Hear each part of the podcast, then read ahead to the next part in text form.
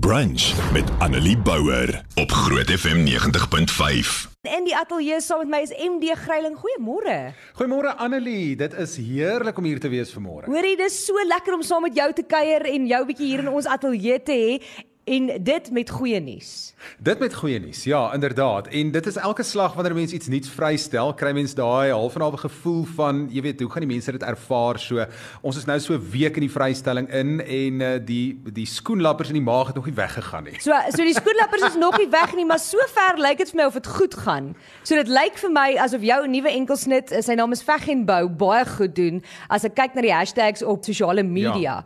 En ek dink dis iets wat baie nodig is en wat baie mense mense voel hulle nou mee kan vereenselwig. Vertel my 'n bietjie, jy het die liedjie se lirieke geskryf. Vertel my meer van die lied. Ja, nee, ag ek weet uh, um, ek het die, ek het die lirieke geskryf, ek het die ek het die hele liedjie geskryf um, met die naam Veg en Bou met die tema Veg en Bou. En uh, ag jy weet hy kom dieper die hart uit. Uh, Partykeer vat mense lank om 'n liedjie te skryf, ander kere vat mens nie so lank om 'n liedjie te skryf nie. Ek dink hierdie ene was so half tussenin gewees. Dit is ek dink ons lopende frustrasie of ek lopende frustrasie. Mense sien wat rondom ons aangaan.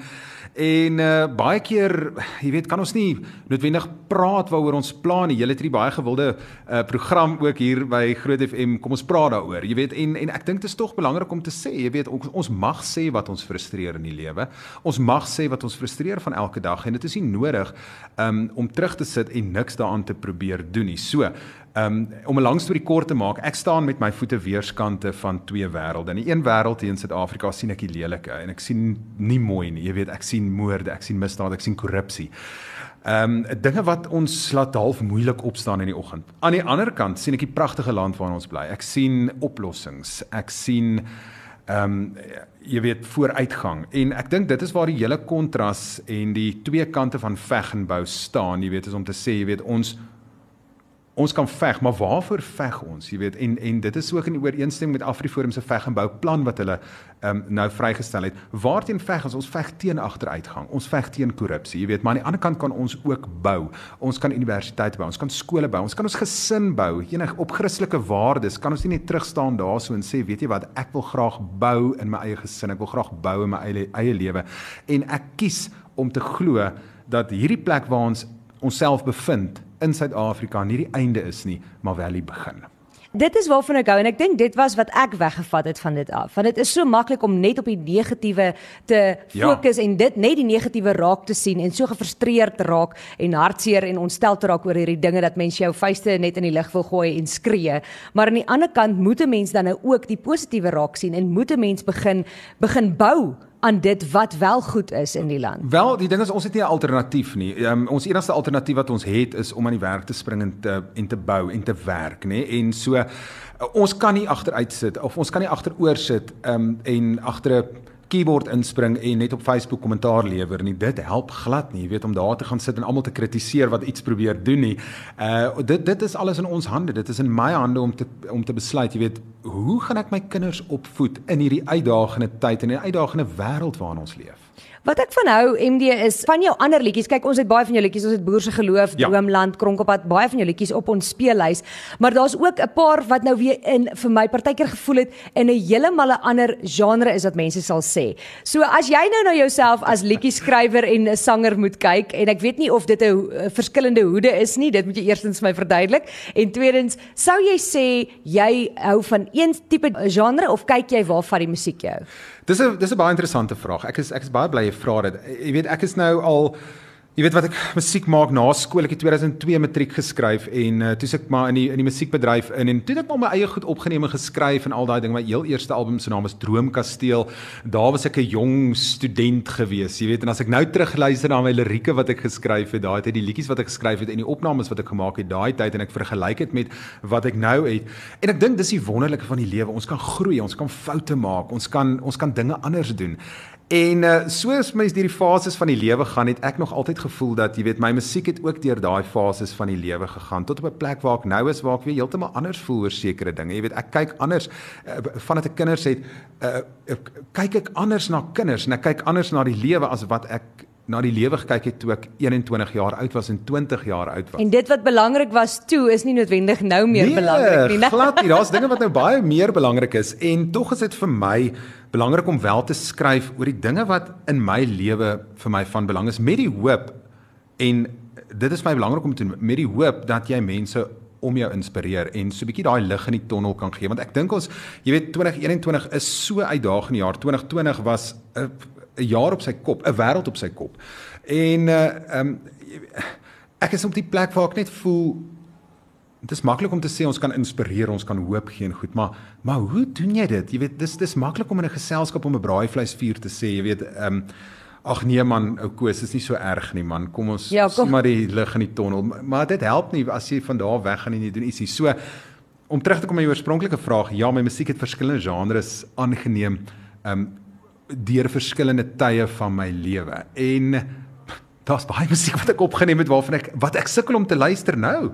As ek terugluister dink ek, Jan Greiling, wat het jy hier gedink jy hier? wat het nou hier, wat ja. gaan nou hier aan? En jy was kwaad daai tyd toe die radio sit nie wou speel nie. oh, shy.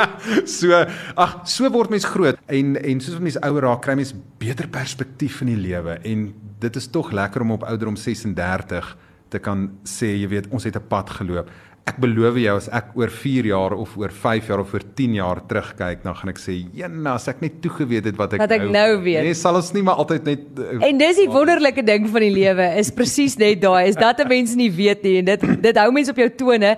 Jy skryf graag self en dit is wat ek van hou van dit maak musiek eerlik. Hierdie ene het jy gedoen uh, saam met uh, niemand anders nie as 'n baie groot naam in die bedryf. Ja. Nou Rikus Nel, ek het toe nou die toe die liedjie klaar geskryf het, toe sê ons okay, goed, ek moet hom nou gaan opneem. Um, ons wil 'n vrystelling maak en so en daai dinge en toe dink ek maar waar gaan ek dit nou opneem, jy weet en, en ek en Rikus kom nou al al jare saam. Ons het uh, uh, en nou ek sê ek het hierso op die radio, uh, jy weet ons het saam gebly destyds. Hy net nie om die draai van waar julle kantoor is. Ja. Dis nou jare terug. En uh, ons kom nou al lank saam. Ons het as uh, musikante saam gespeel in verskeie kunstenaars orkeste en en al daai dinge. So ons ken mekaar nou al lank. Maar hy het 'n pragtige studio gebou, Harde Kole Studios. Daar by sy huis. En uh, ek wonder hoekom het hy dit Harde Kole Studios? Ek wonder hoekom sal dit nou wees? Ag maar ja, hy doen wonderlike werk daar en ek het na hom toe gaan en gesê, weet jy wat, ek soek iemand wat wat wat my prentjie, wat my goed genoeg ken, wat my prentjie, wat my klank van wat ek in gedagte het van hierdie liedjie kan weergee in audio formaat. Jy weet, ja. want dit is baie moeilik, jy weet, jy kan en jy kan gaan luister na liedjies wat opgeneem is. Jy kan goeie liedjies skryf wat se opnames nie so goed is nie en dan dan is dit uh, ook ja, asof die produksiewaarde is tog belangrik. Trefkrag het wat hy moet hê en jy weet so ja en toe gaan ek na Rikus toe en en, en ons het toe nou saam in die ateljee gesit en en die vervaardiging gedoen. Dit is amazing. MD Kom ons praat bietjie. Hier is nou enkelsnit. Dit is een liedjie wat jy uitgee. Dit is beskikbaar op al die platforms. Ja. Reg, soos elektronies ja. gaan kyk watter stroomdiens jy ook al gebruik, dit sal daar wees. Wat ek nou wonder is, Is dit nou net hierdie een ou liedjie wat ons nou kry wat ek baie opgewonde is hoor of kan ons uitsien na 'n paar ander of dalk selfs 'n album in die pipeline? Ja, weet, weet jy wat net die die tye het so verander in die in die musiekbedryf en in die vermaakbedryf dat ek ek dink vollengte albums gaan al hoe minder en minder raak en ek dink dit is 'n realiteit. Ons gaan nie meer CD's is is, is besig om om jy weet en dis maar die tegnologie so as uit 'n kunstenaar se oogpunt en ek praat nie net vir myself uit 'n kunstenaar se oogpunt jy weet om 'n vollengte album op te neem en vry te stel om 200 000 rand uit te haal is uh, is 'n baie uitdagende ding in vandag se tyd want jy weet nog steeds nie of daai ding gaan verkoop of of nie gaan verkoop nie. Ja. Dis 'n baie groot belegging om te maak. So nee op hierdie stadium uh, is ons op enkelsnitte. Ons ons hou dit op enkelsnitte. Ek het so vir myself 'n persoonlike doel wat daar gestel sê jy weet ek wil elke 3 of 4 maande wil ek 'n nuwe enkelsnit. O, lekker. Stel, jy weet en dan jy weet so so belê ou nie ding jy weet want as jy dan gaan kyk oor 2 jaar ehm um, kan jy omtrent 'n uh, 'n vollengte album uh, vrystel. So dit is maar die plan wat daar is. So daar is nuwe liedjies waarna ons kan uitsien. Inderdaad nuwe liedjies, ja. Ek is baie opgewonde. Kan nie wag nie. Hou vir ons op hoogte en kom kuier asseblief weer.